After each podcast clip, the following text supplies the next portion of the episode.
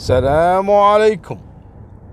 قصة اليوم حصلت في عام 2006 بين شابين واحد سعودي الجنسية والثاني كويتي. إحنا خلينا نسمي الشاب السعودي أحمد والكويتي نسميه خالد. أحمد طبعا أبوه جاء الكويت قبل 40 سنة واستقر وتزوج كويتية. ورزقه رب العالمين بالعيال. المهم ولد أحمد هذا في 2006 عمره 27 سنة وكان صديقه خالد أكثر من أخوه. عشرة عمر بينهم. حصل يوم من الأيام خلاف بينهم في أحد الديوانيات. وشعر أحمد بالإهانة. لذلك أحمد قرر إنه ينتقم. شلون؟ قعد ينتظره في أحد الأيام في طريق المؤدي إلى الاسطبلات في منطقة عندنا في الكويت نسميها كبد. كبد نسميها إحنا. شلون واحد يقول لك يا بعد كبدي؟ كبد. المهم لأنه يعرف أن صديقه خالد دائما في أيام الخميس والجمعة والسبت يروح الاسطبل اللي يملكونه اهله وفعلا ويمر خالد في سيارته. ويقعد أحمد يتبعه. خالد قبل لا يوصل إلى الأسطبل وقف أمام أحد البقالات المتنقلة في الشارع العام. وقف خلفه أحمد. طبعا خالد استغرب إن أحمد تصادف معاه في هالمكان هذا في البر وجنب البقالة. المهم قال خالد هلا أحمد نعم إيش تبي؟ قال له أبيك بكلمة راس. شلون؟ وكذا ما له داعي الحين وأنا مشغول وبروح للاسطبل قال لا لا لا تعال معاي علشان نتفاهم بالمشكلة اللي حصلت بيني وبينك في الديوانية. خالد اضطر يعني. صحيح إن بينهم خلاف لكن يبقى هذا صديقه يعني. نزل خالد وجاء يبي يركب مع أحمد. أحمد قال لا خالد أنت سوق سيارتي. أنا بقعد جنبك عشان أنا عندي كلام بسولف وما راح أنتبه على الطريق يعني فخليك أنت تسوق سيارتي قال لا ما في مشكلة. قام خالد وركب سيارة أحمد ومشى. وأحمد قاعد جنبه. المهم يسولف وياه. قال له في اسطبلات موجودة. قال له وقف هني بين الاسطبلين آه، علشان نسولف يعني ناخذ راحتنا. وقف خالد. قال له يا أحمد يعني خلاص مشكلة وعدت. ليش مكبر الموضوع وجايبنا بهالمكان بهالظلمة وكذا؟ خلاص بعدين نتفاهم يعني. نقعد في الديوانيه ونتصالح يعني يا أحمد. تبقى أنت أخو عزيز. لكن أحمد كان مبيت النية. أحمد كان في جيبه سكين. فطلع السكين و... وقاعد يوريها حق خالد. قال له شوف ترى أنا بإمكاني إني أقتلك وأخذ حقي منك وكذا لكن أنا بس أبي أبيك تربى يعني وتحترم نفسك مرة ثانية وك... وصار بينهم يعني شد بالكلام. خالد ما رضى بالكلام اللي اللي قاعد يوجهه له صديقه أحمد. فقام يرد عليه. وما كان متوقع إن أحمد صديقه على موضوع مثل هذا إنه يقتله. لكن أحمد بعد ما وصل فيه الحال وغضب سد الطعنة لخالد في الصدر. من الصدمة اللي أصابت خالد وشاف الدم وحس إنه بيموت نزل من السيارة يركض في البر.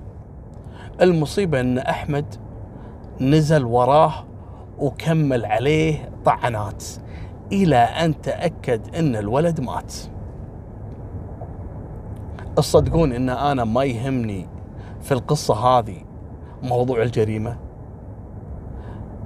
لأن أحمد بعد ما تم إلقاء القبض عليه واكتشفوا انه هو كان بينه وبين خالد سبق إنه حصلت مشكلة وإنه ممكن يكون وراء هالسالفة واعترف بنفسه وحكموا عليه بالإعدام إلا أنه والله العظيم ما هو هذا اللي يحزن في الموضوع. اللي يحزن في الموضوع والدة أحمد. والدة أحمد كويتية عندها أقارب في العراق وكانت في زيارة أهلها في العراق. المهم قعدت من عام 2006 إلى عام 2013 سبع سنوات أثناء سجن أحمد في المركزي وانتظاره إلى تنفيذ حكم الإعدام وهي تناشد السلطات الكويتية والسلطات السعودية أن تتدخل علشان يوقفون حكم الإعدام تبون الأمر من هذا؟ أن أخو أحمد توفى في عام 2013 قبل موعد تنفيذ الإحكام في أحمد. الأم انهارت عندها ولد توفى في حادث سيارة الله يرحمه في المملكة العربية السعودية والثاني الحين ينتظر حكم الإعدام.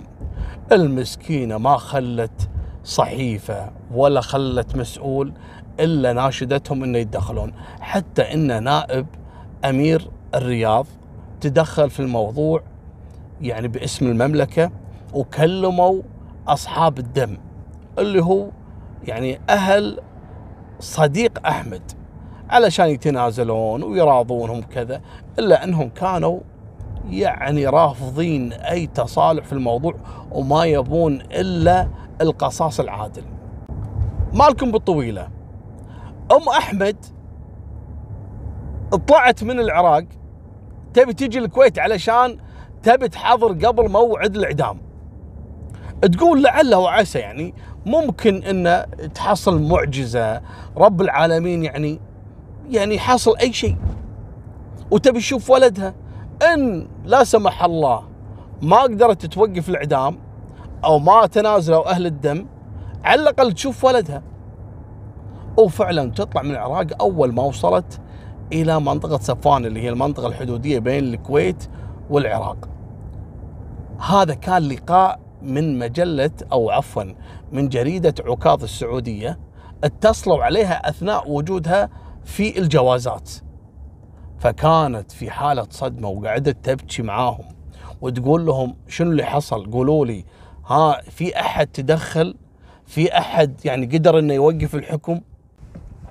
حتى يذكر أن أم أحمد أثناء الاتصال أغمى عليها. أنا بس أبي أبين لكم منو اللي يعاني أكثر. المجرم ولا أسرة المجرم. المهم طبعا مسكينة ما لحقت أنها تدخل الكويت وأنها تحضر الإعدام. اسمحوا لأخوه. حتى أن الشاب نفسه لما شاف أخوه كان وقتها طبعا وقت الإعدام عمره 33 سنة. إذا تذكرون الشاب اللي طلعت صورته في الصحف وعنده شنبات كبيرة يعني. حتى أنه طلب إنه يدخن قبل لا يتم تنفيذ حكم الإعدام فيه. هو هذا هو الشخص اللي نتكلم عنه. أول ما دخل عليه أخوه وقبل لا يعدمونه بساعة كان يحضن أخوه ويبكي. شو يقول لأخوه؟ يقول له تكفى. خلاص الموت حق يا أخوي. بس تكفى خفف على أمي مصابها.